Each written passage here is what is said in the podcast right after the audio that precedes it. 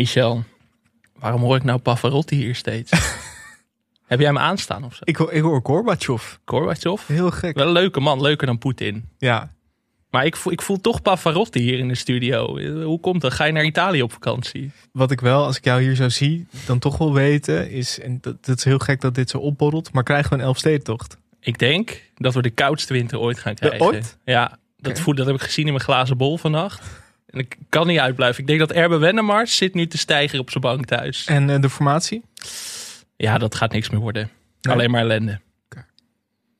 Rusland? Ja, toch Oekraïne, hè? spanning. Maar ik denk dat Oekraïne zich gaat uitkopen uiteindelijk. Ja? Dat ze zich er met een eh, Jantje van Leijen vanaf gaan maken. Maar Harry, waarom hoor ik bij jou, en het is heel gek, waarom hoor ik nou Pavarotti hier steeds? Heb je hem aanstaan of zo? Heb je hem aangehad? Mag eruit geknipt worden door dit? Nee, maar eh, Pavarotti vind ik een leuke, vond ik een leuke man. Maar, Maar eh, is hij hier geweest? Want ik zie hem opeens. hij is hier niet geweest, nee. Maar waarom hoor ik hem? Wie wel in dit lokaal was, was Gorbachev. Dat, kan ik me nog herinneren. Voel je daar nog iets bij? Ik vond het een leuke man. Beter dan. Poetin. Ja, ja, tuurlijk. Ja, nee, maar ik voel Pavarotti bij jou. Oké. Of ga je naar Italië op vakantie? Nee helemaal niet.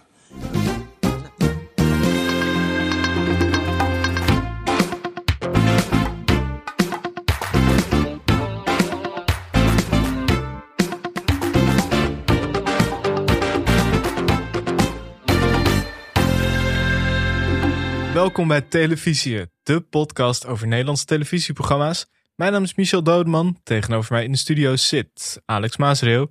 Hey, Ja, Alex, hoe is het? het gaat goed. Ja, lekker weekend gehad. Ja. Ja, ja, ik vind dat we het er eigenlijk meteen over moeten hebben. Meteen ook alles opzij schuiven. Business class was eh, Het was top, waanzinnig. top drie uitzending ooit, denk ik wel. Het was, eh, ik zat het ziek thuis. En Ja, dan, is, dan, is, dan heb je zeg maar, je kan een fruitmand hebben, je kan een kopje thee met honing nemen, of je hebt de Harry Mens. En dat is eigenlijk het beste medicijn tegen, tegen alles. ik vond de studio sowieso mooi. Echt lekker kerstig.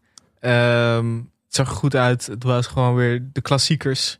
Wietse was er. Ja. Liesbeth was er. En vooral Liesbeth was echt... eh, ja, wij hebben het in onze uitzending over business class helemaal niet zoveel voor Liesbeth gehad. Dat heeft me toch een beetje geraakt. En daar had ik spijt van. Ik fietste weg bij de studio toen ik dacht, we hebben Liesbeth niet de eer gegeven die ze verdient. nee. Maar ze was ook een tijdje niet in het programma. Dus het is ook de schuld van Harry. Harry even vermanen en toespreken hier. Liesbeth moet elke week in, vind ik. Dat hebben wij nodig op zondagochtend. Maar kijk, een Liesbeth knokt zich dan gewoon terug. Ja, En die zorgt er wel voor dat ze in onze podcast benoemd wordt. kunnen we even langs de hoogtepuntjes van de uitzending Ja. lopen. Het begon al goed. Harry heeft Liesbeth gemist. Nou ja, hij sprak voor iedereen natuurlijk. Ehm, en toen zei Liesbeth, pas nou op Harry. Straks denken ze nog dat we wat hebben. En toen dacht Harry, hier ga ik even ingrijpen. Harry zegt, nou gelukkig niet zeg.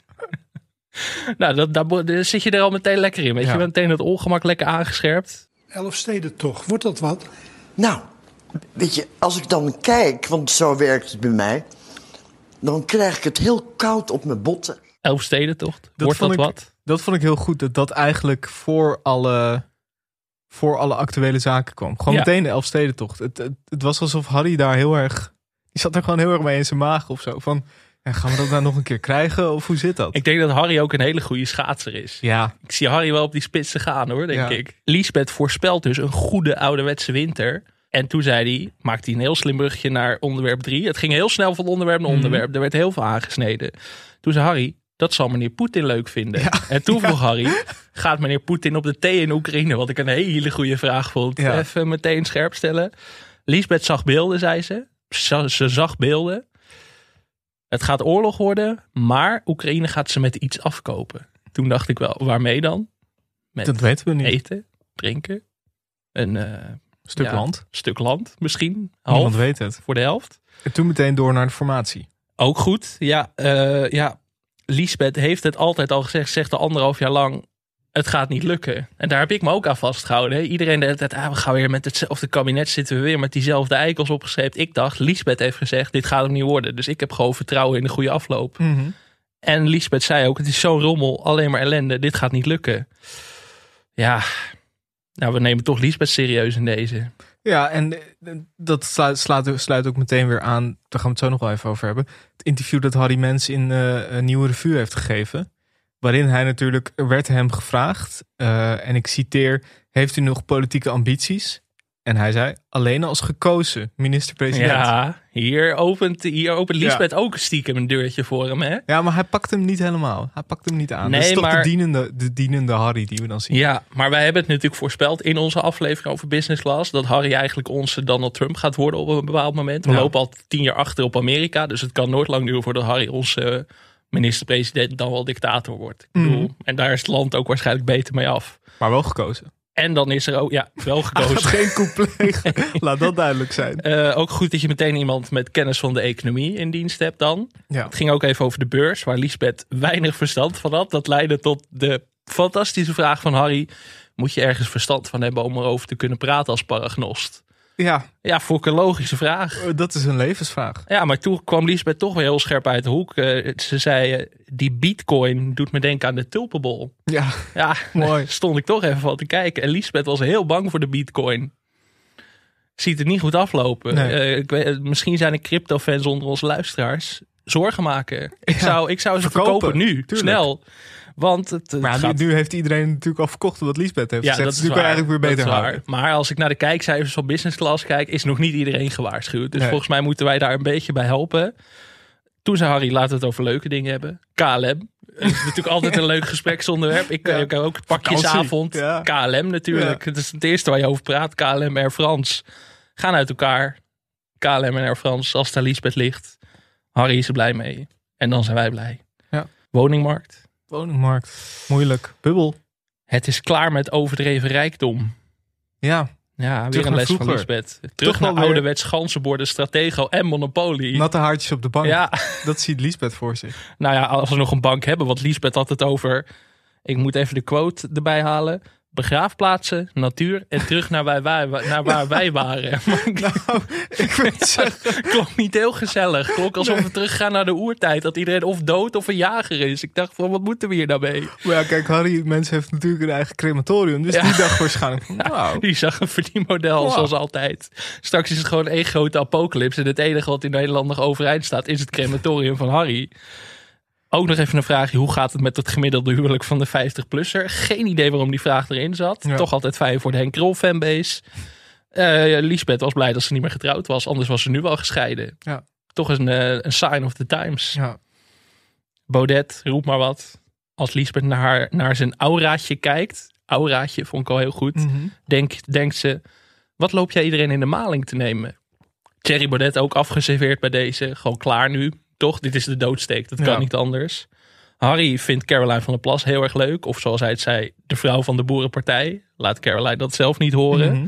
Het boekje van Lisbeth vond ik ook heel goed. Ja. Lisbeth heeft een kinderboekje gemaakt omdat, en ik quote, mijn kleindochter van vier ziet steeds mijn moeder naast haar bedje staan. Vond ik vrij, eh, vrij zorgwekkend. Ja. Ja. Ja. maar eh, ja, toen zei Lisbeth, spookjes bestaan niet en daarom is er een boek. En toen kwam Harry natuurlijk weer met, met de legendarische quote. Het boekje is te koop, begrijp ik. ja, altijd goed. Altijd weer even terugdenken aan Ben Kramer. Van waar kunnen we dat boek kopen, Ben? Ja, in de boekhandel. ja, en toen, eh, toen zei Harry van eh, kom nog eens terug tegen Lisbeth.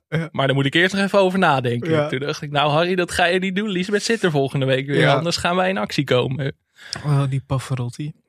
Die Pavarotti en die Gorbachev. Ja, het was echt, eh, echt waanzinnig. Maar ik bedoel, Lisbeth zit er volgende week gewoon weer, toch? Zeker. En wie er misschien ook wel zit.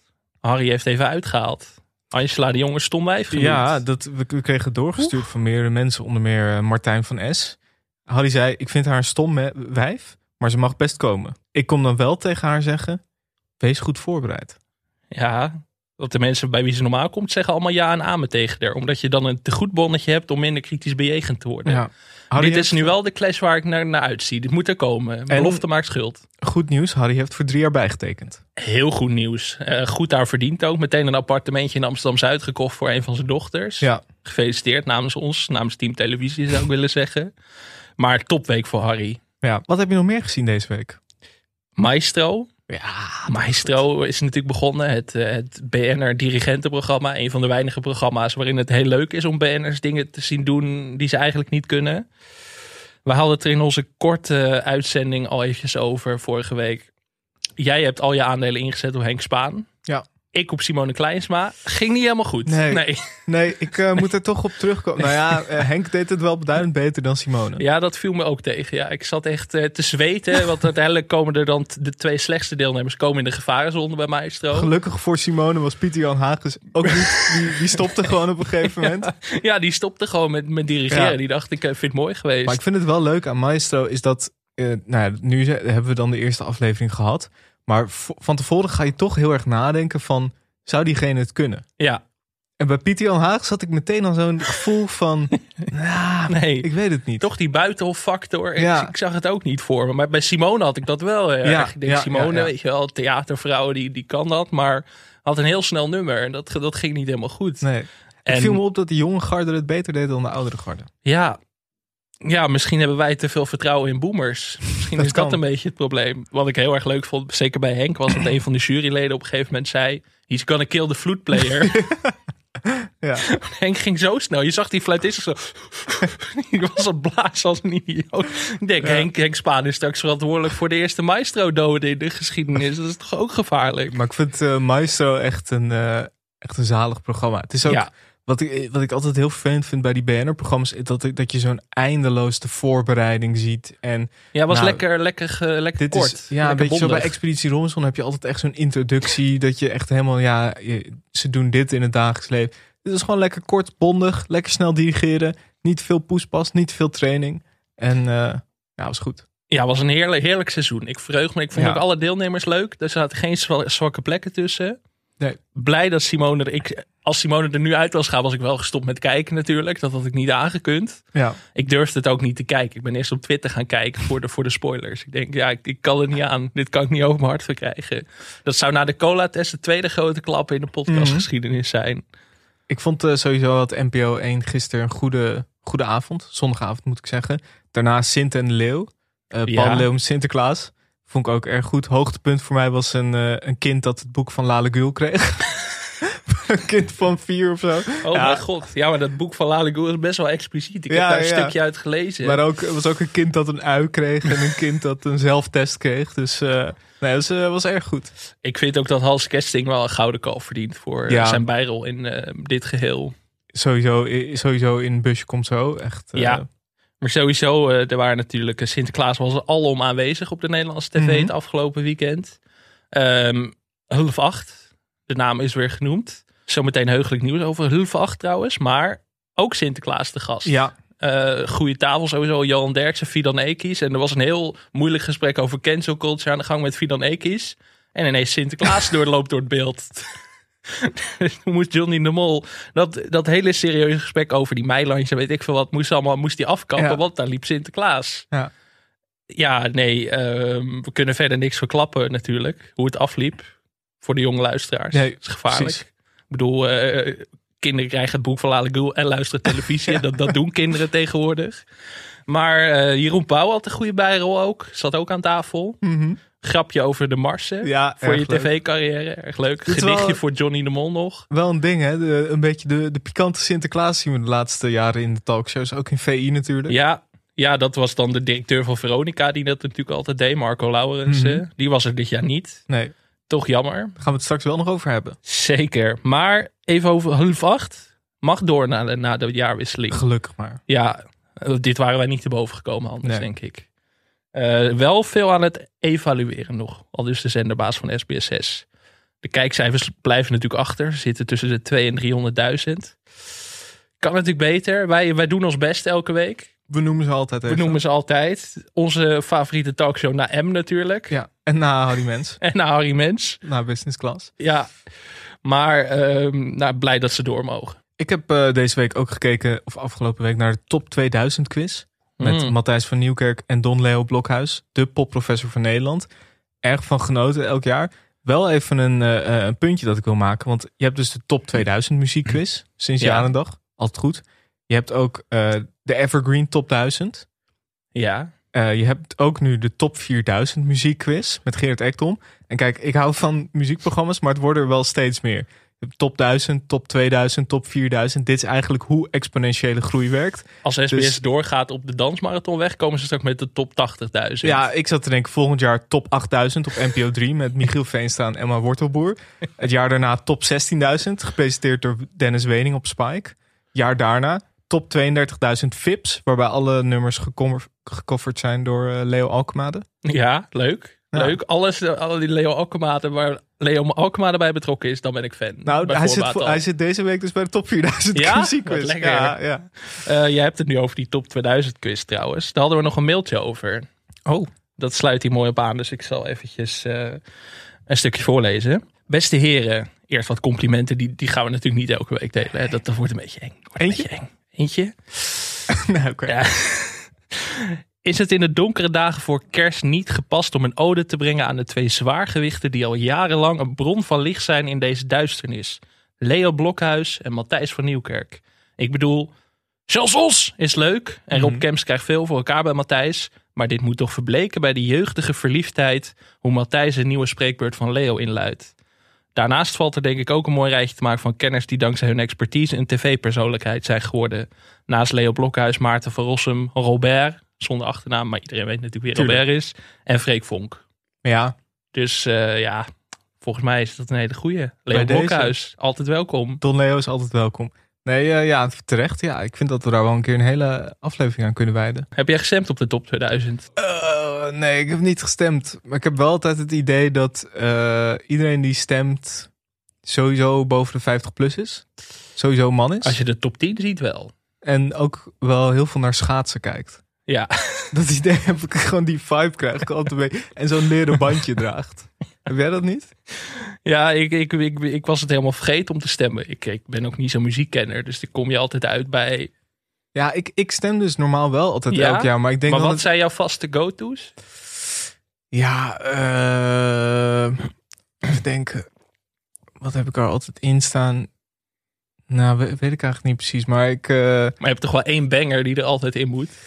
Eh, Paradise by the Dashboard Light of... eh, Ik heb altijd wel veel van Radiohead, maar Ja. dan klink ik ook heel oud. ja, Maar wat, wat ik dus altijd het idee heb, is dat het toch niet uitmaakt wat ik stem. Omdat gewoon de groep, ja, maar dat denkt de iedereen. groep En dan, mannen die stemt op Bruce Springsteen en Queen is zo groot dat ik daar met mijn Radiohead. eh, maar dat is uiteindelijk hoe de boomers altijd winnen. Hè? Omdat wij millennials zeg maar niet durven op te staan tegen de oudere generatie. Omdat iedereen denkt, ja, mijn stem maakt niet uit.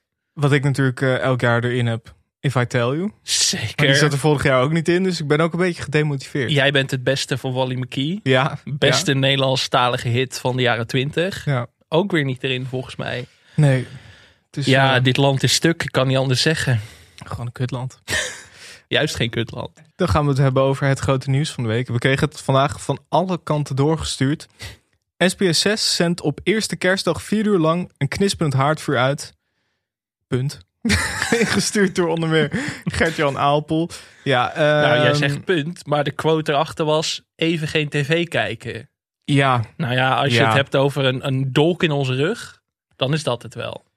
ja, weet je, ik vind het... eh, er werd... Ja, ik vind het gewoon minachting. Ja, Ik vind het gewoon minachting naar onze luisteraars. Zeker. ons. Ja, wat moeten wij? Gaan wij dan 4,5 uur analyseren hoe dat haardvuur kni- knispert? Ja, het, ik, dat verwacht iedereen Het nu wel voelt van ook ons. een beetje als een soort provocatie. Van, eh, Ja. Ze hebben al gezegd dat ze, dat ze natuurlijk die dansmarathon live gaan doen. Ja. Nou, kijken of ze dat knisperend haardvuurtje ook gaan doen. Ja. Nou, eh, Ze pas zijn ons aan het uitdagen. John, John, ik weet dat John luistert. Dit is gewoon weer zoveelste uitdaging van John.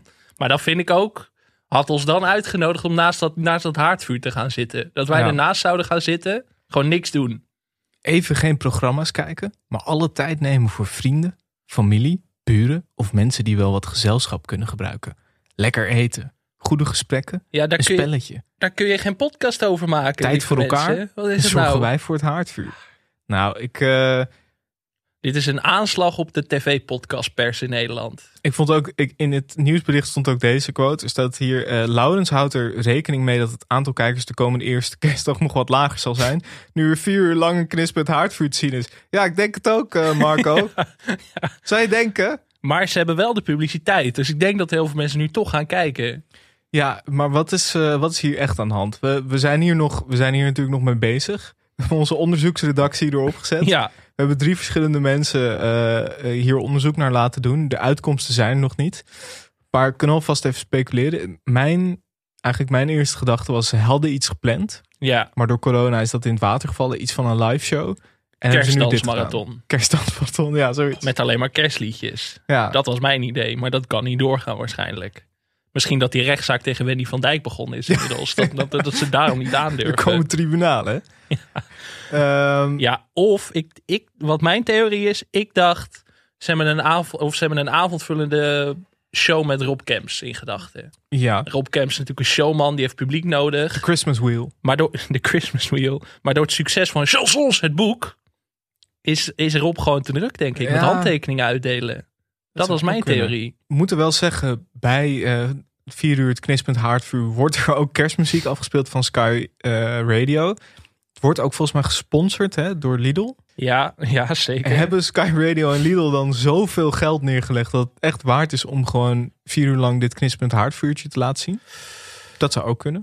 Ja, ik, ik wil hier alvast wel voorspelling meer op. Ik denk dat dit in de top 10 van best bekeken programma's gaat komen op eerste kerstdag. Misschien wel top 5. Maar, ja, maar gemiddeld. Ja. Ja, Ik, ik weet namelijk, ik durf wel te beweren dat bij ons dat dit aan gaat staan op kerst, eerste er kerstdag. zijn natuurlijk ook heel veel mensen die weten helemaal niet dat je, dat je ook gewoon een YouTube-video van een knispend haardvuurtje kan opzoeken. Dus die denken, nou, dit is lekker. Ja, dus, Die ja. denken van ja, dat geklooi met die HDMI-kabel Ja. met je cool Chrome. We doen het gewoon lekker zo. dus ik denk dat dit een doorslaat succes gaat worden. Ondanks dat dit gewoon een aanslag op ons als podcast is. Dit is een beetje alsof wij drie uur een podcast opnemen en niks zeggen. Zou, zouden we ook een keer. Is leuk. Nou, Ja. Moet je de luistercijfers Ja, eens zien. die gaan door het dak dan, denk ik. Eindelijk zijn de mensen af van slappe gelul. Oh, ja, ik, La- eh, Zullen we doorgaan naar leuke nieuws? heel graag. Gevaarlijkste wegen van de wereld. Ja, zeker. Iconische duo's. Nieuwe deelnemers zijn aangekondigd. Ja, ingestuurd ook door onder meer eh, Bob stuurde het door. Ja. Natuurlijk het, ja, de eyecatcher. René Leblanc en Emmanuel Griefs in, eh, in Colombia. ja. ik vroeg me af, zit Jolan op de achterbank? Of niet? Maar ze gaan ook echt naar Colombia. Ja, ja, Ja, dat is toch een beetje link met Emmanuel in de auto natuurlijk. ja, dat vond ik ook eh, flauw dat ze dat gedaan Heel hebben. flauw. Ja, zit Jolande erbij. En Ik zat maar sowieso, dit was al een aanleiding dat ik dacht van... In het derde seizoen van Ik Geloof Mij zagen natuurlijk dat de tv-carrière van René een beetje eh, vorm ging krijgen. Hij was aan het Mhm. oefenen. We zien hem heel weinig. Ja, Wat is daar gaande? in de luwte is hij natuurlijk. Als nu een eh, haardvuur de voorkeur krijgt boven René Leblanc, waar zijn we dan als Ja, samenleving? God, als je helemaal naar Colombia moet rijden Ja, met die Manuele dat daar ben je wel even bezig. Dus hij is gewoon heel lang. eh, maar- maar goed, ik vind. Kijk, we hebben het nu veel over René en Immanuelle, maar ik moet zeggen, Sjoerd van Ramshorst en Ja. Ron Boshart die naar. Noord-Macedonië gaan samen. Nou, dat is Ja. vuurwerk. Ja. Dat is echt heel goed. Verder zangeres Maan en rapper Sjaak in Portugal. Met wie Eh. zou jij het liefst eh, in de auto zitten? Als wij ooit BN'ers worden? Nou, met Sjoerd lijkt me wel heel gezellig. Zeker. Lekker over voetbal lullen de hele dag. Ja, maar er moet, er, moet, er moet wel spanning zijn. hè. Het moet een Oh, beetje schuren. Guido Weijers? nee, dat kan niet. Henk Krol. En Krol, ja, leuk. Lijkt me heel gezellig. Ja, tuurlijk. Ook een beetje gewoon... eh, of misschien Harry? Oh ja, Harry. Met Harry gewoon de, de internationale politiek bespreken. Ja. Eh, Zo. verder Ja, ze ook mogen ons eh, altijd bellen. Renze Klamer en eh, zangeres Lakshmi in eh, Turkije. Pia Douws en André Dongelmans in Oekraïne. Frank van der Lende en judoka Henk Grol in Guatemala. Victor Abon van First Dates en presentatrice Iris Endhoven in Mexico. En Hanna van Vliet en Esmee van Kampen in Oezbekistan. Ze hebben wel weer de echte exotische locaties uitgezocht. Ja, het is ook wel een verschil of je naar Portugal of Oezbekistan mag. Ja, Toch? wat zou jouw voorkeur genieten? Nou, ik ben nooit in Oezbekistan geweest. Maar eh, Ja, ik heb geen rijbewijs, dus ik denk dat ik sowieso niet gevraagd word voor dit programma. Ik, heb, ik heb wel een rijbewijs, maar ik heb al heel lang niet gereden. Dus ik denk dat het ook eh, Ja, sowieso wel... Buitenveld, het is natuurlijk ook net iets anders dan Oezbekistan, denk ik. Als je Maar- mij gewoon over de A2 laat rijden, is het alsnog gevaarlijkste wegen. Eh, er zijn ook weer veel nieuwe programma's aangekondigd eh, deze week. Special Forces FIPS. Zo, Ja, even geen luxe leventje, maar een loodzware militaire opleiding. Twee weken lang hebben tien bekende Nederlanders hun eigen leven verruild voor deze helse training van de Special Forces. Goed deelnemersveld. Eh, Dave Roelvink, Gabi Blazer, Hannelore Zwitserloot, Alkan Chuklu, Tim Haars, Roy Meijer, Giel Belen, Jamie Trinité, Noeska Fontijn en Immanuelle Grievens. Ja, Ja, die heeft het druk. ja, zeker. Ja, die maakt wel kans op de Henk Krol Award voor meest deelnemende banner van 2021 slechts 2022 zo hoor. Ehm, de mediapersoonlijkheden geven de controle volledig uit handen en gaan mee naar het Oost-Europese land Slovenië voor een keiharde training. Dus Immanuel is eerst naar Colombia gegaan, daarna naar Slovenië voor die training. Ik ben heel benieuwd wat er. eh, ja, ik vond dit wel eh, fascinerend. eh, Special Forces. Dave Roelvink sprak van het meest intense dat hij ooit heeft gedaan. Dat belooft veel goeds. En die heeft toch veel gedaan. Ja, Hij doet ook mee aan de Big Balance. Ja, daarom. Dit lijkt me echt verschrikkelijk om aan mee te doen. Ja, ik snap ook niet waarom je dit. dit eh, ja. ja. Goed, Lekker uit dat je heb ik bij, comfortzone. dit bij Expeditie Robinson ook al Ja, zou ik nog eerder aan meedoen dan hier aan, denk ik. Ja? Ja, nee, dat is niet waar. Hey, Hier mag je tenminste wel eten, denk ik. Dat, dat zou ik zelf wel fijn vinden. Eh, nog een eh, nieuw programma dat werd eh, aangekondigd. Diepe Gronden van Linda de Mol. Ja, Een vierdelige thriller-serie. Als gedragsdeskundige Anna van Kessel onderzoekt Linda de Mol samen met het lokale rechercheteam onder leiding van Timon Zwart, gespeeld door Egbert Jan Weber, de moord op een 17-jarig meisje in een natuurgebied, de Weerribben. Ook Chris Segers speelt een rol. yes. Nou, dan weet je dat je sowieso goed Acteur zit. Chris Segers vind ik altijd fijn. Vanaf eh, januari 2022 op SBS 6. Het is een, eh, omdat Linda de Mol fan is van Scandinavische crime series. Ja. Dat is de aanleiding, toch? Ja. en leuk. geregisseerd door Wil Koopmans. Wil Koopman, ja. Wil Koopmans Wil Koopman, sorry. van de pannenkoeken. Hebben we het vorige week nog over gehad? Hebben wij het over Wil Koopman gehad? Ja, toch? Zij, re- zij regisseerde toch eh, Villa Morero ook? Oh ja, klopt. Sorry, dat Ik voelt alweer eens drie jaar Ik geleden. begon even aan mezelf te Ja. twijfelen. Nee, leuk. Ik ben benieuwd. Linda als actrice, eh, eigenlijk altijd goed. Altijd goed. Vierdelig miniserie is ook wel helemaal nieuw ding. Hè? Busa hadden we het laatst over. Mhm. Was ook vierdelig natuurlijk. Het is wel eh, lekker kort steeds. Ja, maar willen ze eerst even een beetje gewoon kijken hoe dat gaat of zo? Is wel slim. Beetje Productioneel aftasten. is dat misschien ook wel handig? Ja, Covid-technisch? Linda is natuurlijk druk. Ja. Chris Segers is druk. Dating quiz wordt niet zomaar gemaakt.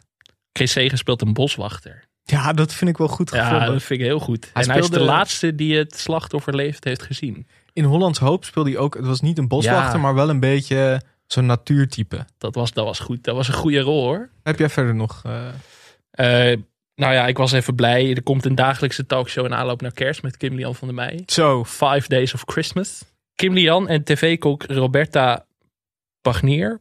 Panier? Panier? Pagnier? Panier, denk ik. Pagnier? Nou ja, Roberta. Kim Lian en Roberta tellen in hun knusse woonboerderij samen af naar kerstmis. Terwijl Roberta in de keuken laat zien hoe makkelijk het is om iets lekkers te koken voor de kerstdis, ontvangt Kim Lian gasten als Dennis Wening, Daphne Dekkers en Kim Kutte.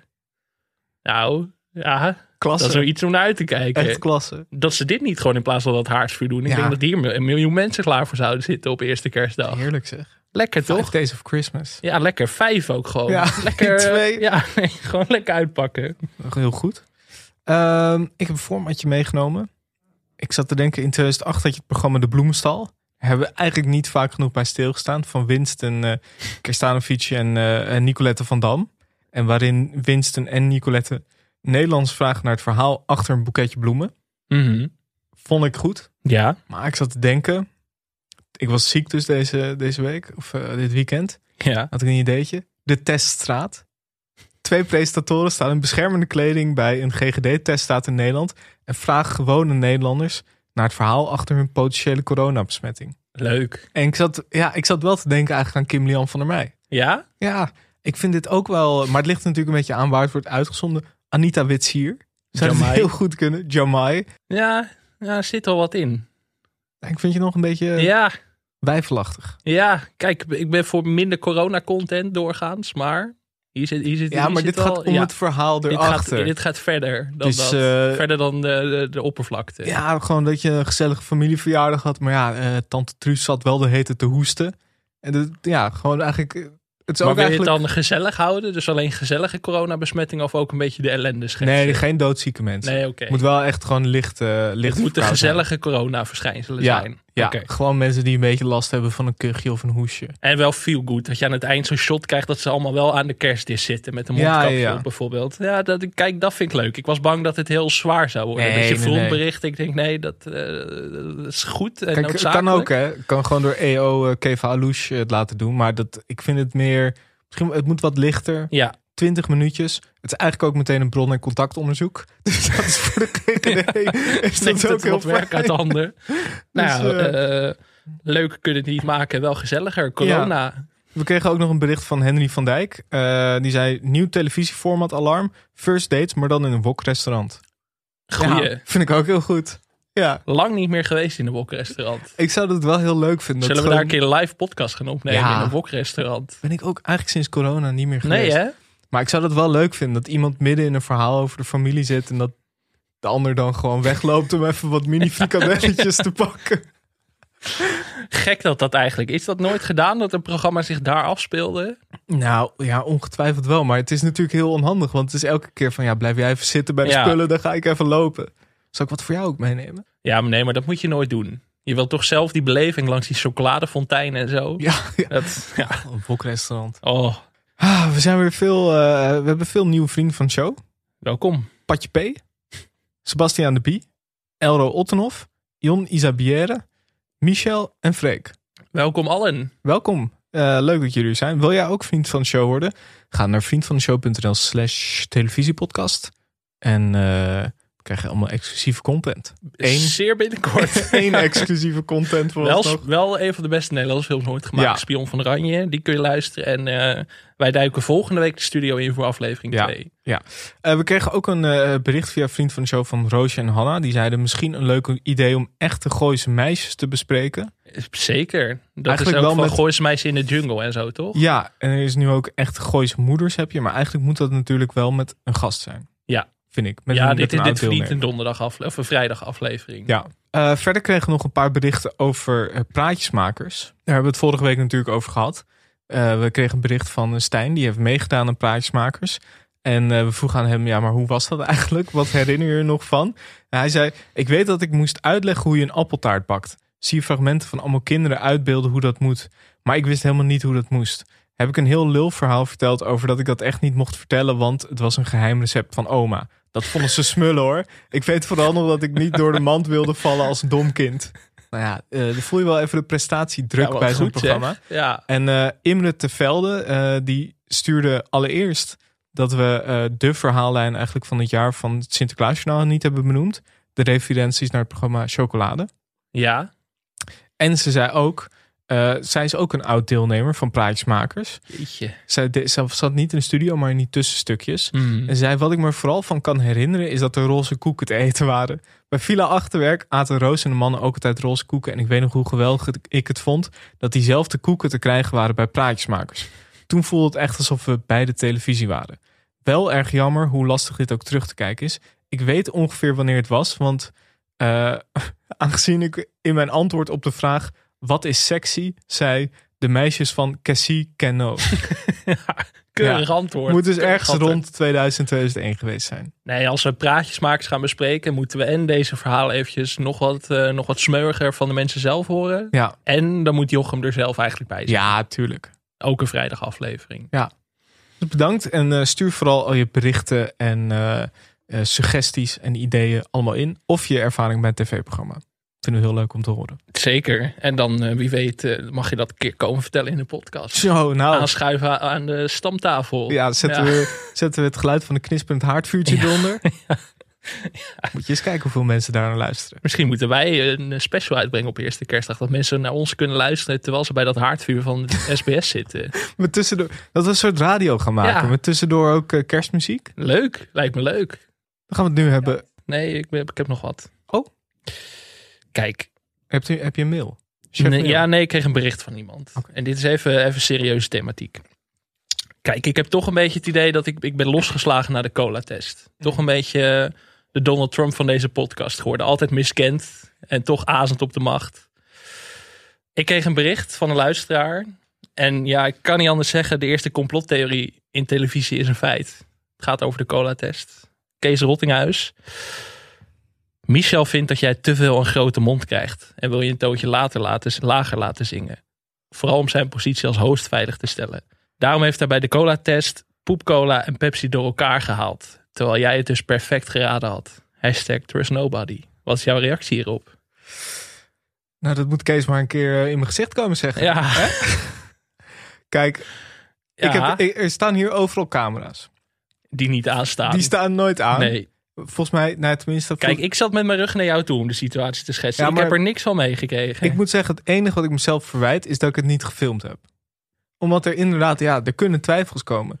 Maar kijk, ik heb natuurlijk een bom onder deze.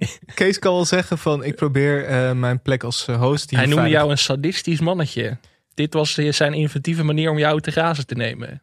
Dan mijn, in mij in dit geval. Ja, maar ik heb er toch helemaal niks aan om hier in mijn- eentje alles voor te gaan lezen. Ja, ik ga nu aan alles twijfelen door deze theorie. Maar ik Nou. denk ook dat mijn trollenleger straks klaar staat. Net als bij het Capitool in januari. Dat ze hier dag en nacht gaan bestormen. Ik vind het echt een hele rare gang van Gevaarlijk, hè? Ja, Ik vind het heel gek. ja. Jij zit stoer te doen over de cola. Vervolgens geef ik je de kans om je te bewijzen. Eigenlijk om jou eh, natuurlijk een soort van... Nou ja, eh, op een podium te zetten. ja, ja Je zeker. verpest Ja. het grandioos. En nu wordt dan een beetje zo naar mij gekeken van... eh, ja, maar hij, wat, wat is zijn rol hierin? Kijk, ik ben slechts de boodschapper. Don't shoot the messenger. Ik, ik, ik vertaal dit naar de podcast. Maar ik vond, ja, dit moet ook, ook benoemd worden. Ik bedoel, hier is ook ruimte voor, voor, de, voor, de, voor de donkere kant van het internet. En ja, ik ging toch even twijfelen. Vooral omdat het niet op beeld is vastgelegd. Ja, nou, eh, als ik Kees... eh, als ik Kees een keer tegenkom... hè? Van eh, Kees van de NOS, man, met zijn fake nieuws. Ongelooflijk. Kees is wel 2 meter 15. Serieus? Ja, Nee, echt? kan je hebben. Ja, kan je hebben. Nee, ik geloof het niet. Nee, dat is waar. Hij is een kop groter dan ik. Echt? Ja, Holy shit. ja. Hey Kees, eh, sorry man. We gaan snel door.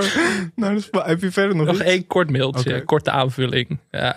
God, ik weet eh, in mijn eigen huis. eh, eerst, eerst moet ik al, eh, al die smaad over M aanhoren.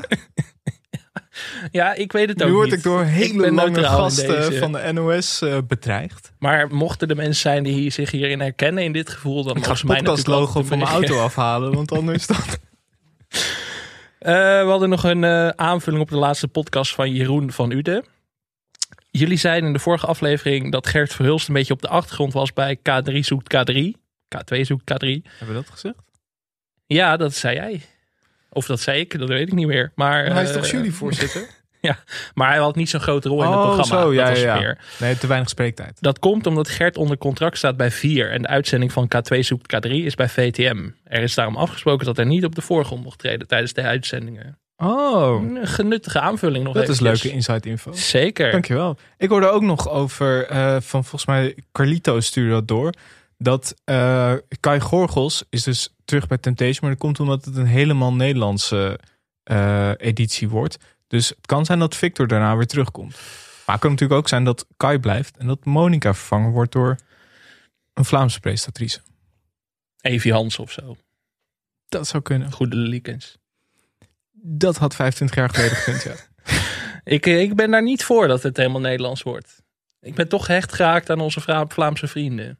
Ja, ik ook. Ik vind het, eh, het heeft toch. Ik vond de Vlamingen dit seizoen ook eigenlijk wel beduidend dramatischer. Ja, Dus ik vond eh, zonder een Bert en een. eh, was het een minder seizoen geweest? ja.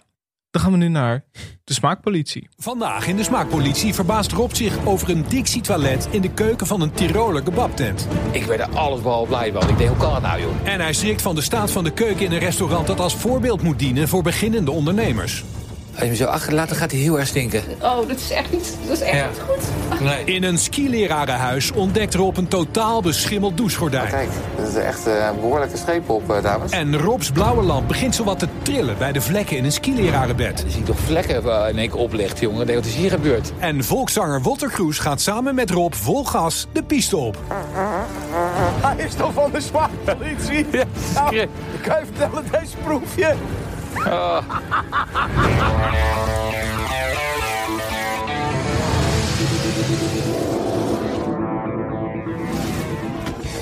de Smaakpolitie was een Nederlands televisieprogramma dat werd uitgezonden door SBS6. In het programma neemt Rob Geus elke week in een willekeurige stad in Nederland een kijkje in de keukens van de horeca. Als hij van mening is dat een restaurant of cafetaria voldoet aan de hygiëne-eisen, reikt hij de smaakpolitie oké-sticker uit. Indien de hygiëne echt ver onder de maat is, reikt hij een t-shirt uit met erop de tekst: Hier word ik niet vrolijk van. De eerste aflevering werd uitgezonden in 2002, de laatste in 2017. 15 jaar. De smaakpolitie. 15 jaar. Ja. Heb jij hier van- veel van geleerd als kind? ehm, Jij bent best wel, be- best wel opgeruimd, best wel, Ja. eh, best wel netjes natuurlijk. Is dat toch een beetje eh, omdat je vaak naar Rob Geus hebt gekeken vroeger? Valt wel mee. Ik heb er niet heel vaak naar gekeken, maar het voelde wel. eh, het voelde wel. Kijk, als je één aflevering kijkt, Heb je natuurlijk allemaal gezien? ja, het is natuurlijk. Kijk, Rob doet ook gewoon eigenlijk wel. Hij heeft al heel lang hetzelfde gedaan. Maar eh, ik vond het eh, toch wel weer. ja, ja, er zijn gewoon allemaal van die, zeg maar, zo'n blauwe UV-lamp. Ja, Dat. UV-lamp, heet dat zo? ja. Dat associeer ik gewoon automatisch met Rob Geus. Dat vind ik toch knap, eigenlijk. En ook zo'n witte lapjas in een vieze keuken.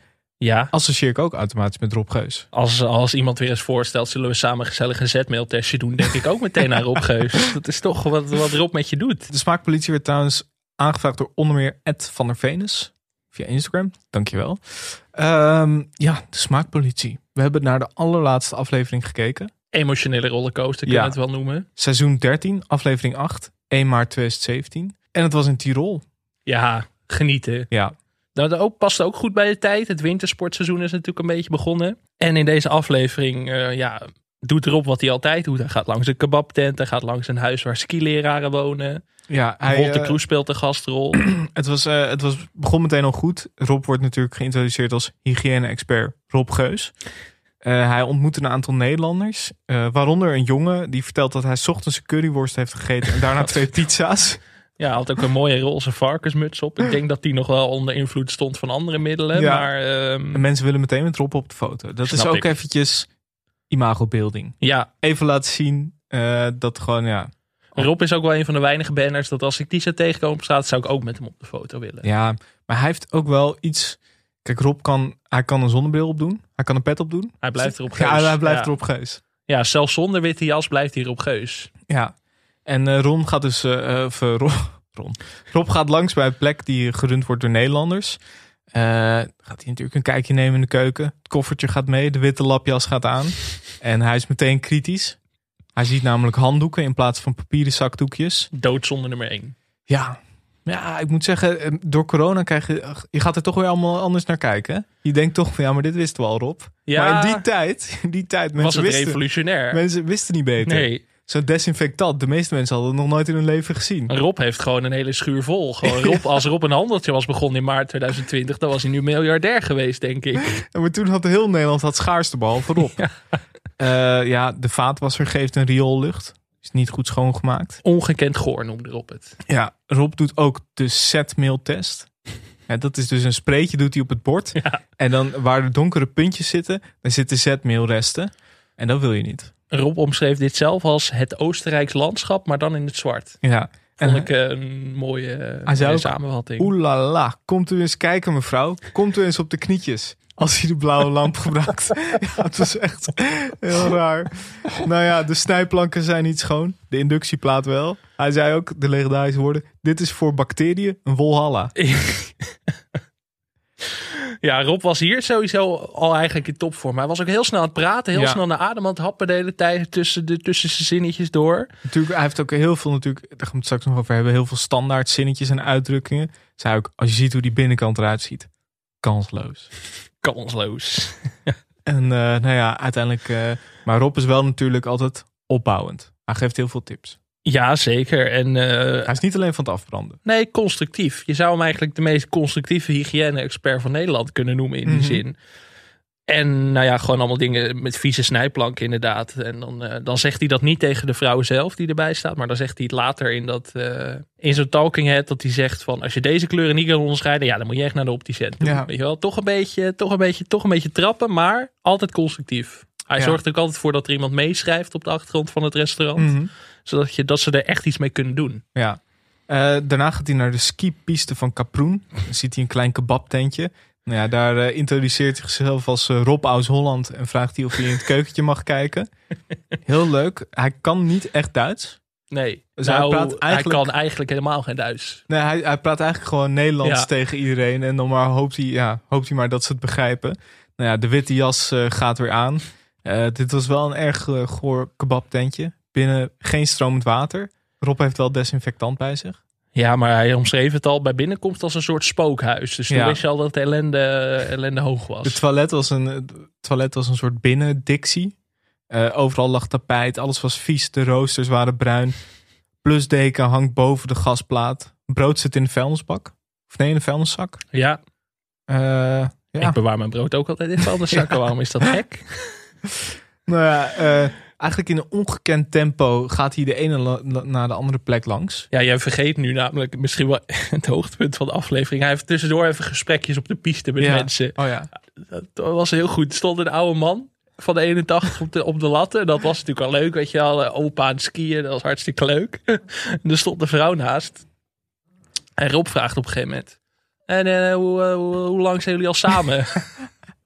Het was dus gewoon zijn dochter. Dat, Ja. de, eh, ver- vergrap die, of een, een eh, misverstand dat vaker voorkomt waarschijnlijk. Maar ik moest er toch heel erg om lachen. ja, je zag ook wel dat er wel echt een goede 30 jaar tussen Ja. zat. Dus daarom vond ik het ook... Maar ja, Rob denkt natuurlijk zelf van... Als ik een jaar of 80 ben, Ja, dan dan... wil ik eh, dit nou ook. ja, wie weet, wie weet. Ja, daar moest ik wel heel erg om lachen. Nou ja, daarna gaat Rob langs bij een grillkar. De, de dame uh, achter de grillkar die zou, vind, zou, vond het eigenlijk prima dat Rob langs zou komen. Hallo, ik ben Rob aus Holland.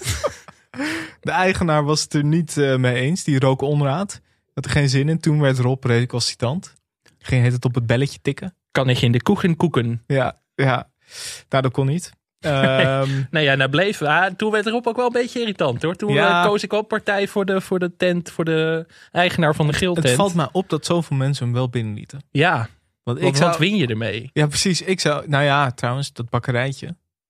Ja, die kwamen er goed vanaf. Kan er heel goed. Maar ja, het is niet alsof mensen denken van... eh, nou, ik ga even naar Kaproen, naar die bak- bakkerij... want die was zo lekker schoon, vond Rob Geus. Maar dit programma is 15 jaar op tv geweest. Dan weet je toch zeg maar, dat dit programma drijft op viezigheid. Ja, Dan zou je toch zeggen, dat ik zou daar nooit aan mee willen doen. nee. Of doe je dat alleen maar slechte, slechte pers is ook goede, is ook pers. Ja, ik denk het misschien. Nou ja, daarna ging Rob eh, langs bij een ander Nederlands hotelrestaurant. Hij heeft echt de vaart flink in zitten. Er was ook een, eh, jonge Nederlander, die, die was heel leergierig. Die zoog echt al die informatie in zich op. Eh, nou ja, de brandblusser staat op de verkeerde plek. Vieze, gevaarlijke staalspons. Een, een paradepaardje van Rob. Ja, net als dat eh, het plafond niet goed, eh, Ja. niet goed meer in goede staat meer verkeert. Ja, een andere jonge kok was heel driftig aan het meeschrijven met alles. En toen zei Rob ook, de bloknoot is snel vol. Ja, ja. Eh, wijsheid van de voice-over nog, een plafondschilfer in je eten ligt toch wat zwaar in de maag. mooi. Geen spel tussen te krijgen. Mooi. Lag ook nog een verpieterd bekertje crème fraîche. Oh, bah. Ja, heel goor. Ja, echt heel vies. En nou ja, daarna gaat Rob nog weer naar een andere plek. Het is ongelooflijk. Ja, Eh, daar, hij ruikt zelfgebakken taart, dus hij gaat bij een bakkertje naar binnen. En hij vraagt daar aan iedereen, wat is dat? ah, dat is eigenlijk, dat is eigenlijk zijn enige Duits dat hij daar... Wat is dat? Ah. ja, en keuken en koegen. Maar dat, Ja. ik weet ook niet of dat helemaal klopt. Maar nee, nee, ja, hij, vraagt, hij praat dan gewoon tegen die Oostenrijkse koks van... eh, zullen we naar de andere keuken gaan, andere koegen? en ja, ze begrijpen het wel. Ja, Rob geeft uiteindelijk het smaakpolitie oké certificaat. Hij werd er vrolijk van. De keuken was schoon. De RVS werd goed bijgehouden. En Rob is nou eenmaal gek op schone rubbers. Ja. nou ja, daarna komt even een uitstapje. Ik moet zeggen, daar was ik wel aan toe. Ja, Ik vond het veel keukens. heel veel keukens. Heel snel ook, want Ja. het programma duurde 40 minuten. Het was heel dicht op elkaar gepropt Ja. allemaal. Walter Cruz is ook in Tirol. Ja. En als Walter Cruz in beeld komt, dan weet je dat wordt feest. Dat Ja. wordt gezellig. Het is nooit, eh, we gaan het even hebben over de situatie in Oekraïne met Walter Cruz. Nee, het is altijd gezellig. Rob noemt hem ook oude reus. Ja, dan ben je meteen, dan weet je ook, oké, dit is hoe de verhoudingen liggen. Echt oude jongens krentenbrood. Zijn er mensen met een, met een duidelijker dialect dan Wolter Kroes in Nederland? Nee, absoluut niet. Die heeft het bijna uitgevonden, Ja. hè? het Noord-Hollandse eh, Ja. accentdialect, wat dat ook is. Ja, Rob, Rob, Rob en Walter gaan samen skiën. En op de skilift komt het absolute hoogtepunt als dieptepunt. dieptepunt, ja. Walter laat een hele lange scheet. Rob zegt man, man, man. En dan zegt eh, Wolter, jij bent toch van de smaakpolitie? Nou, deze proef, hoor, kan ik je vertellen. Oh, Oh, oh, oh, plat. Toch omgelachen. Ja. Ja, verschrikkelijk. Ja. Nou ja, daarna gaan ze wat drinken. En eh, Rob belooft te gaan kijken bij uh, Wolters optreden. Maar ja, daarna moet Rob, Rob moet natuurlijk, kijk, uh, Wolter zit de hele dag te landvanten. Maar Rob moet weer door. Ja, nog één. Een worstenrestaurant. Ja. Ik heb worsten er nog nooit zo smerig uit, uh, uit gezien als in deze aflevering. Nee. Het zag er echt niet lekker uit. Gastronomisch gezien was het geen, uh, geen pretje. Uh, het, het, was ook. Rob wijst. Rob wees ook op een vieze snijplank. Toen zei hij: Dood. dat uh, ja, was heel goed. Kijk, en zo weet hij zich toch in het buitenland goed verstaanbaar. Iedereen weet meteen wat hij bedoelt. Ja. Vieze snijplank. Uh, ja, Uiteindelijk waren de worsten aangebrand omdat Rob zo lang stond uh, te inspecteren in de keuken. Tranen in je ogen, zei hij. Ook echt zo'n echt zo'n Rob, uh, Rob-term. Ja, nou goed, koffertje en lapjas worden weer opgeborgen. Uiteindelijk raakt hij aan de praat met een skilerares. Ja. En dan gaat hij naar het huis van 30 skileraressen en skileraren. Ja, dat vond ik een gekke scène. Hoe zou, hoe, hij vroeg ook van, aan die skileraar van, word jij vrolijk van je huis? Wat ik al een gekke openingszin vind. Stel, er komt iemand op straat naar je toe en vraagt, word jij vrolijk van je huis? Nou ja, op zich wel. Ja. En dan als iemand Maar- vraagt, mag ik mee om te kijken? Zou je dan zeggen, ja is goed. Nee. Maar ja, kijk, misschien als je met 29 andere skileraren woont, dat je ja, dan wat minder te verliezen ander hebt. verhaal. Ehm, ja, dat was wel een eh, bijzonder goorhuis. Ja, ook de muziek erachter was gek. Want Rob gaat met die, met die meiden skileraar mee. Op de achtergrond hoor je, schatje mag ik je foto? Ja, Beetje, een beetje gek, een beetje apart. beetje dubbelzinnig. Beetje dubbelzinnig. Zit eh, schimmel op de yoghurt. Ja, dit was wel echt het goorste van alles. Ja. Hier, eh, hier werd ik even onpasselijk. De UV-lamp gaat aan. Het douchegordijn blijkt vies te zijn. Eh, ja, op de deken van een skileraar zitten overal spetters. Van van alles en nog wat. Ja, alles wat oplicht is ellende, al dus Rob Geus. Maar kijk, wat dan een beetje het ding is. bij die restaurants heb je nog het idee van... Oké, die mensen willen wel hun leven beter natuurlijk. Want ja, goed, eh, het is op tv gekomen. Maar ik had bij deze, deze skilerares een beetje het idee dat ze dachten... Ja, ik ben hier over twee maanden toch weg. Dus eh, het zal Ja. wel.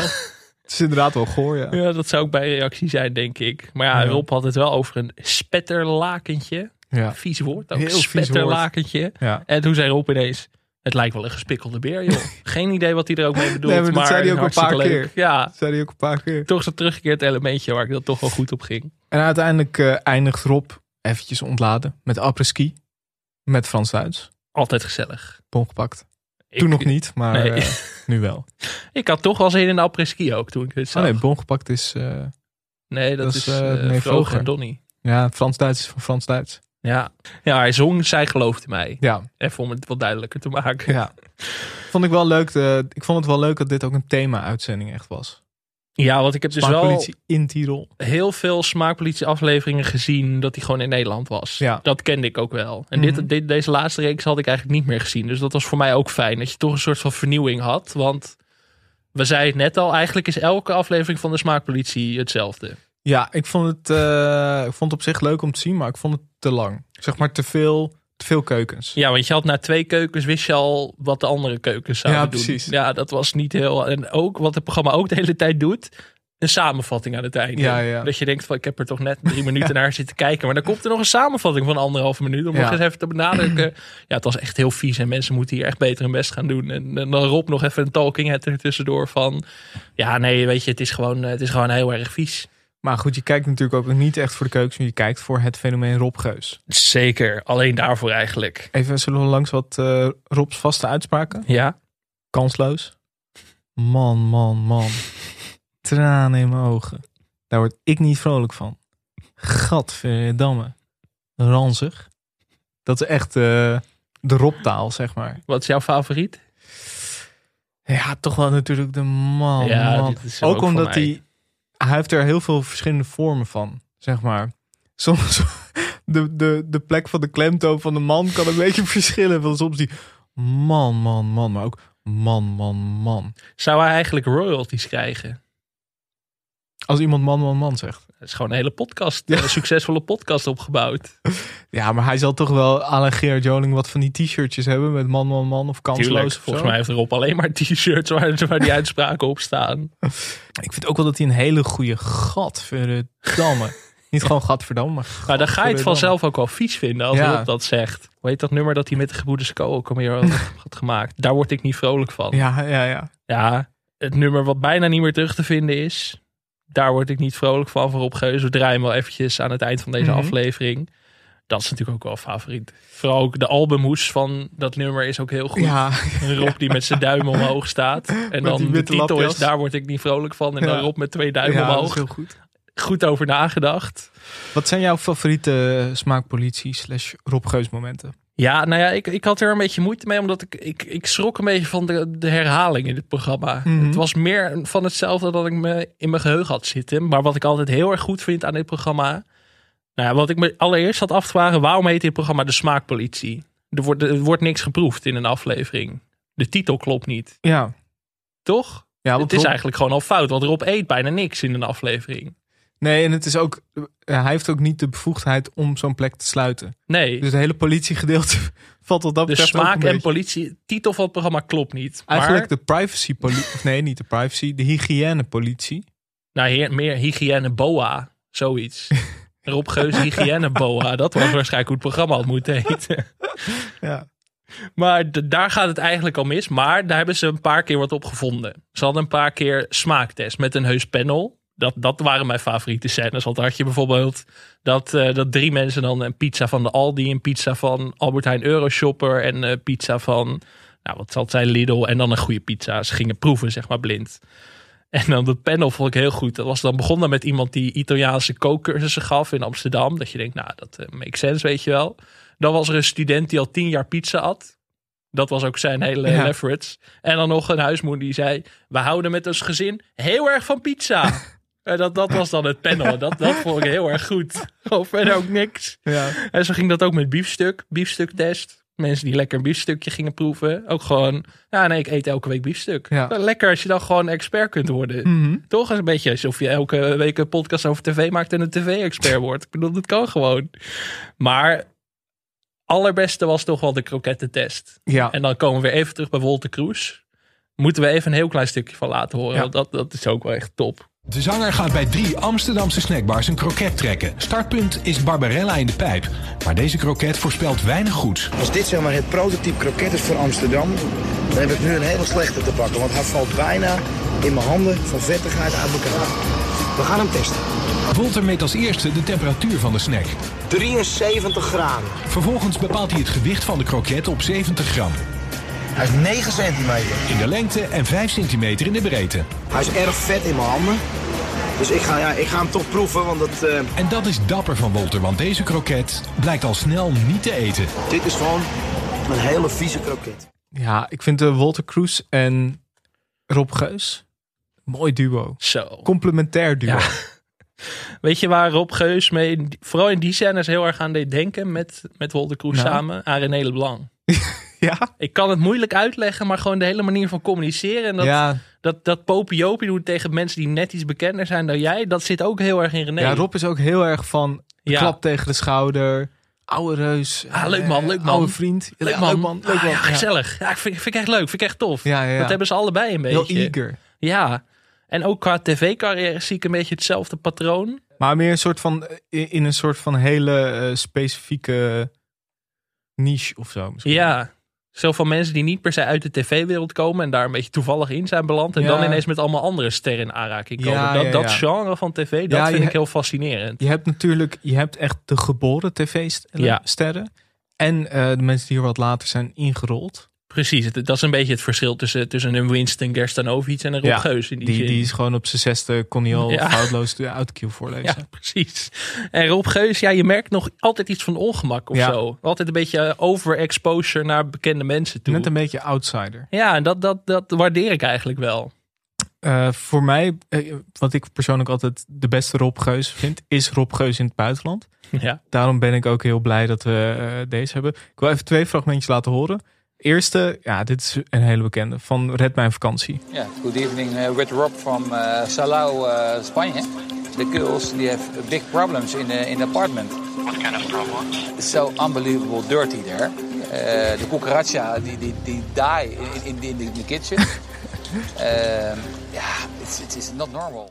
Ja, dat doen de cucarachas daar in the kitchen. It's not normal. Wat een talenknobbel ook, Ja. hè? Ongekend. Eh, die vind ik dus echt eh, heel goed, maar ook deze. Hey, I, I did a, a test eh, about the temperature of the food. And the pork eh, is, is 40 degrees. Is too cold. So cold. Ja, de, de, de, de correct temperatuur is 70. For your machine. Hm? Your machine. For the cold. Marathon. Microgolf. Nee, come on. Come on. Hij heeft, zo'n hele, hij heeft twee dingen die Nederlands altijd doen in het Engels. De hè. Ja. Hè. Eigenlijk wat Erik ten Hag Ja. tussendoor ook. En, eh en kom aan. Kom aan. Kom aan. Ja, ja heel goed. Louis van Gaal zou dit afkeuren, deze, dit, Ja. dit Engels hoor. Maar dat vind ik, ik vind eh, Rob Geus die in het buitenland voor- in de bres springt voor Nederlanders. Vind ik altijd wel heel goed. Hij is toch ook met die Thijs Zeeman een tijdje eh, naar het buitenland gegaan. Ja. Goed programma was dat. Over iconische duo's gesproken. Het werd aanvankelijk inderdaad gepresenteerd door Albertus Stegeman. En toen eh, later eh, heeft Thijs Zeeman het, eh, heeft het ook gedaan. Ik heb alleen gekeken toen Thijs Zeeman het presenteerde, denk ik. Ja, ben je meer een Thijs Zeeman? Nee, niet per se eigenlijk. Ik, ik draag alle misdaadverslaggevers een warm Ja. hart toe. Zelfs John Stegeman ook. Maar John Stegeman. Nee, dat was de trainer voor Pax Volle. Oh. Nee, ehm, dat was ook goed. Thijs Zeeman en Rob Geus, die wil je niet achter je aan hebben. Nee, nee, nee, Vakantie, Double trouble. Als je een vakantie eh, huisjesmelker bent. Ja. Ik, eh, wat, mij trouwens opviel is dat de smaakpolit, eh, smaakpolitie ontzettend populair is op YouTube. Ja, Het account heeft in zijn totaliteit 14 miljoen views en 15.000 abonnees. Ja, daar moeten wij nog maar aan zien te komen met de eh, podcast. hoe verklaar je dat? Ja, ik denk dat mensen hier, toch hier toch goed op gaan. Op, op gewoon viezigheid en dat soort dingen. Toch een beetje... ehm, waar we het vorige week ook met Camping Live over hadden. Dat mensen zich graag afzetten tegen wat zij ook zelf thuis hebben. Ja. Dus dat je denkt van, oh, wat doen mensen raar op een camping? Terwijl je dat zelf ook doet, maar dat niet durft toe te geven. En dat dan maar gaat projecteren op een tv-programma. Ja. En ik denk dat dat voor de smaakpolitie ook geldt. Dat mensen gewoon hun eigen vieze keuken niet willen erkennen. En dan maar dat op tv, zeg maar, een soort van een uitvlucht zoeken van, oh ja, het kan altijd erger. Ja, ik vind het heel interessant dat mensen dat dus nog wel echt actief opzoeken. Want het was eh, in de hoogtijdagen, weet je, laten we zeggen 2007, keek er wel ongeveer een miljoen kijkers per aflevering. Maar later, eh, tien jaar later, die, die periode toen wij hebben gekeken, toen waren de kijkcijfers matig zo'n beetje 300, 400.000. Dus misschien dat mensen dan toch gewoon eigenlijk, ja, misschien dat die herhaling daar toch wel in meespeelt. Dat En mensen willen de hoog- natuurlijk extreme sensatie. Ja, dus de restauranthouders die boos worden. eh, Ik kan, eh, ik kan ook een snack behouden. Of ook iemand. oh, Kebabteentjes komen vaker terug natuurlijk in het programma. Mhm. Dat zo'n eigenaar helemaal eh, zei van, nou is niks aan de hand. Ja. En dat erop zei, nee, het vet is gewoon helemaal zwart. en dat die eigenaar zei, ja, dat maakt niet uit. Dat hoort zo. Dat, gewoon, dat, dat, dat willen mensen uiteindelijk. Dat het een beetje schuurt. Ja. En de aflevering die wij dan hebben gekeken... was alleen met die man van die grilltent... die hem niet binnen wilde laten. Dat is dan leuk. Maar het gaat ook natuurlijk snel vervelen... als alles een beetje, een beetje vies is. En volgens mij de extreem gore dingen... en de confrontaties, die, worden, die zijn nog het meest populair... als ik Ja. het zo een beetje zie. Ja, Maar als je zo'n hele aflevering terugkijkt... ik denk niet dat dat per se heel goed gaat scoren. Nee. Moeten we het even hebben over het fenomeen Rob Geus? Ja, dat lijkt me En wel. zijn verdere tv-carrière. Hij heeft veel goede programma's meegaan. Ranking the Stars natuurlijk onder meer. Hebben we laatst steeds, laten horen. ja. Sterrendans op het ijs. En eh, vooral ook Stelletje Pottenbakkers uit 2018. Hier wil ik even bij stilstaan. Eh, dat is een programma waar, van Kim Lian van der Meij, die het ook heeft bedacht. Waarbij acht bekende Nederlanders de pottenbakstrijd met elkaar aangaan. Eh, elke aflevering kregen ze verschillende opdrachten die te maken hadden met pottenbakken. Pottenbaktechnieken kwamen ook aan, de, ja, aan het licht. Hoe zeg je dat? Ja, nee, je zegt het goed, denk ik. Eh, zoals eh, het gebruik van een draaischijf en poetseren. Werd uiteindelijk gewonnen door Roy Donders. Niet door Rob Terecht. Geus. Terecht de winnaar. Eh, verder, ja, Rob Geus. Op zijn eigen website noemt hij zichzelf kok, kwaliteitscontroleur, hygiëne-expert, ondernemer en succesvol presentator en motivator. Veel. En hij is nog eh, trouwambtenaar. Ja, ook nog. En wel veel keuze, hè? We hebben dat vaker. Dat mensen nu ook gewoon trouwambtenaar zijn. Ja. Je kunt een hele leger eigenlijk neerzetten. Sander Jansson, Rob Geus. Die allemaal jouw bruiloft gaan doen. Ja. En nog lastig kiezen straks. Hij staat ook op Shoutout. Ja, Dat is ook wel een, eh, een thema. zeker. 50 euro kan Rob Geus eh, ja, zeggen dat je je badkamer moet schoonmaken of zo. Ik weet niet eh, wat mensen daarmee doen. Wat me opvalt is dat Rob Geus heeft ook iets met het eh, woord sexy Mhm. en met seksappeal. het is misschien een rare... Maar ik kwam, dus, ik kwam dus meerdere dingen met Rob Geus en sexy seksappeal tegen. Bijvoorbeeld hij had ooit een eh, SBS 6 show eh, bedacht. Ik heb er schoon, schoon genoeg van. Er staat hier het onderwerp van de tv-show, zwerfafval, hoeft volgens Geus niet per definitie saai te zijn. Je kunt het wel heel sexy maken, denk ik. Het is best een leuk onderwerp hoor. Ehm, hier dan de smaakpolitie. Volgens Geus is het een programma wat je heel sexy kan maken. Bij studentenhuizen langs. En dat weet ik dat ik dat op een leuke, grappige en ondeugende manier kan eh, behandelen. En dan hier. Rob is namelijk ook blij met zijn goede uitstraling. Ik denk dat, nou ja, ze zeggen wel eens, naarmate je ouder wordt, krijg je meer seksappeal. En ik denk ook dat ik nu beter tot mijn recht kom dan 15 jaar geleden. Er is iets met Rob. Nou ja, om hierop aan te sluiten. In een interview met Grazia zei hij ooit dat hij een heuse vrouwenmagneet is. Nee. Ja. Geus roept al jaren in de media dat hij enorm populair is bij de dames. En ook nu krijgt hij nog steeds veel aandacht. Ze zien me op tv in die witte jas. Verzorgd, bezig met hygiëne. En de 41-jarige Rob Geus, toen 41, moet in de kroeg vaak handtekeningen uitdelen aan meiden van eind 30. Om Ja. erop even te quoten.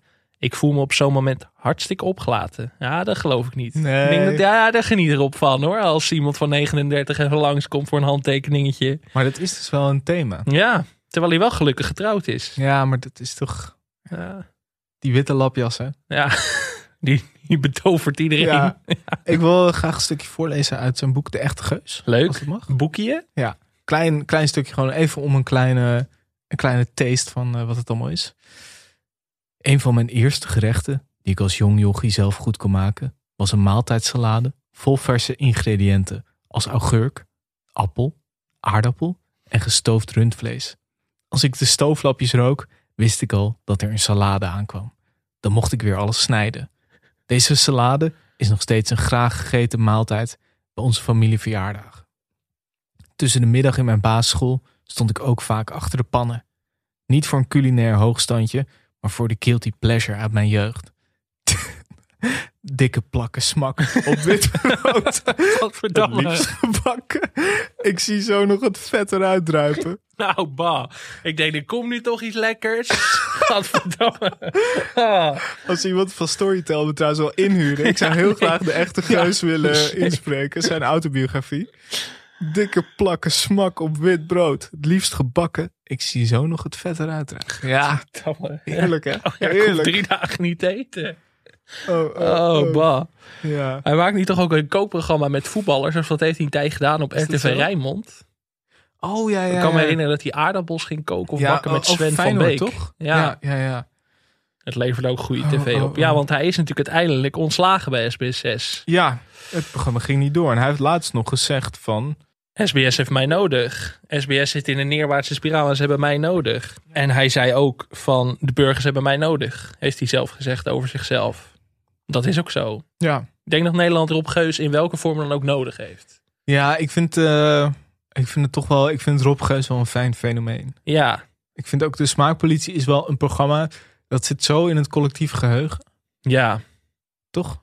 Ja, maar Rob Geus hangt daar misschien ook te, zit daar te veel aan vast. Misschien wel. Ik vraag me af of hij ooit van die, van die schaduw, uit die schaduw kan stappen. Dat is het misschien. Misschien heeft hij het wel te lang gedaan. Ja, want zelfs bij Omroep Max, toch het, eh, ja, toch waar iedere BNR uiteindelijk terechtkomt als ze niet meer aan de bak komen, is hij niet welkom. Jan Slachter heeft gezegd, we zijn geen opvanghuis voor zielige egeltjes. Zielig egeltje Rob Geus werd nooit gebeld, al dus Mediacourant. Ja, maar heeft Rob Geus de leeftijd? Ik vind Rob Geus ook... Nou, misschien niet eens de leeftijd, maar ik Ja, vind Rob hem Geus geen... is al 30 jaar 38, dat is een beetje ook een ding natuurlijk. Maar ik vind hem geen, eh, ook geen Omroep Max man. Ik vind hem wel echt een SBS 6 man. Nou, al, alleen Piet Paulusma vind ik ook geen omroep Max man. En die zit er ook. Ja, Ja, Ja. nee, dat is ook wel zo. Ik weet niet. Ik, ik, ik, ik, ik, ik hoop dat Rob terugkomt. We kunnen allemaal wat meer Rob gebruiken in ons leven. Ja. Maar ja, ik zie niet zo goed waar. Een beetje RTL 5. Ja? Ik zie wel, ik vind wel, ehm, kijk, de smaakpolitie, dat was, was goed. Alleen was dus misschien wat veel van hetzelfde. Ik vind wel Rob naar het buitenland. Ja, dat vind Mensen ik een goed helpen. format, ja. Ik vind wel weer een beetje in die misdaadhoek ook. Dus gewoon eh, misstanden aanpakken. Eh, bellen over de eh, koekeratjes in de kitchen. Dat, eh, dat zie ik wel voor me. Lago die Rob. Lago die Rob. Hij heeft natuurlijk Geert Wilders geïnterviewd in 2017. Ja. Als een van de weinige mensen in Nederland. Ja. Nou ja, daar liet hij al zien dat hij ook gewoon een keiharde interviewer kan zijn. Dus u weet. Ja, en Eigen talkshow. anders toch maar gewoon weer iets met gebroesko. Ja? Ik, maar ik, denk dat, ik denk dat Rob serieus wel met, eh, met de populariteit van de smaakpolitie op YouTube. Zou hij niet gewoon een YouTube-account moeten beginnen? Podcast. Podcast. Smaakpolitie podcast. gewoon zo heel stil dat spreetje doen, die zetmailtest. Een recap podcast voor elke aflevering van de Smaakpolitie. Ja, dat zou ook kunnen. Dat ze zeg maar, ze recap het al acht keer in de aflevering. En dat Rob het dan nog gaat recappen in de aflevering. Dat zou wel heel leuk zijn. Man, man, Man, man. Nou, titel heb je al. Nee, ja, ik, eh, ik ben benieuwd waar Rob gaat landen. Ik, eh, ik hoop hem wel weer te zien binnenkort. Ik ook. Voor het Televisiemuseum. Wat gaan we meenemen? Ik had opgeschreven de zetmailtest. Ik zat te denken aan de witte lapjas. Ja. Of die UV-lamp. Alle drie goede opties, hè? Ik vind wel, ik moet zeggen, de, van, van de zetmailtest was mij helemaal ontschoten, maar ik vond het wel erg goed. Ja. Dus misschien moeten we die maar doen. Ja? Ja, of toch gewoon die witte jas. Ja, doe maar de witte jas. Ja? Ik ben wel om eigenlijk. Ik, ik dacht van dat ligt te veel voor de hand. Ik probeer toch altijd naar de wat meer obscure Nee, maar het is een museum, zoeken. Maar het is een museum en daar wil je toch de nachtwacht hebben. En niet, Precies. niet de schilderij van eh, Nee. Annie, eh, Annie de Geef uit, precies. uit Bokkum, Dokkum. En kijk, de, de witte lapjas is eigenlijk de Mona Lisa van Ja. de smaakpolitie. Zeker. Of, nou ja, dat is Rob Geus natuurlijk zelf. Moeten wij nog een eindoordeel vellen? Hoeveel kijkcijferkastjes? Kijk eens even kastjes.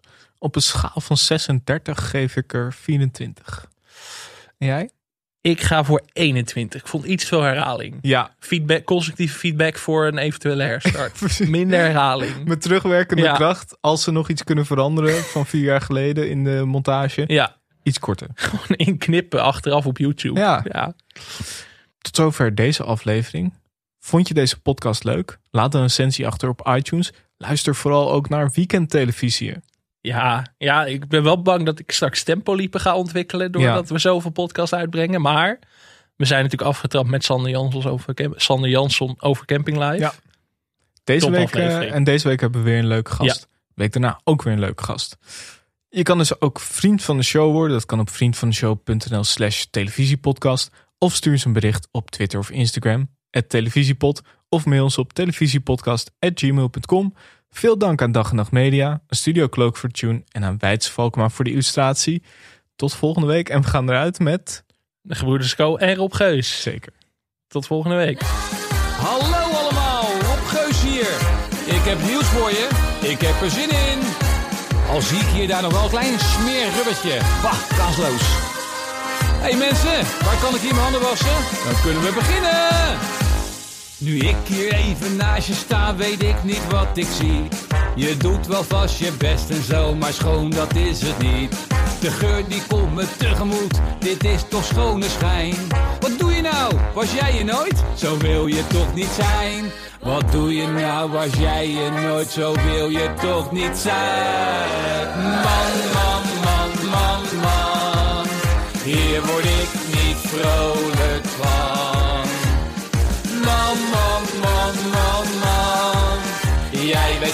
dat dit niet kan.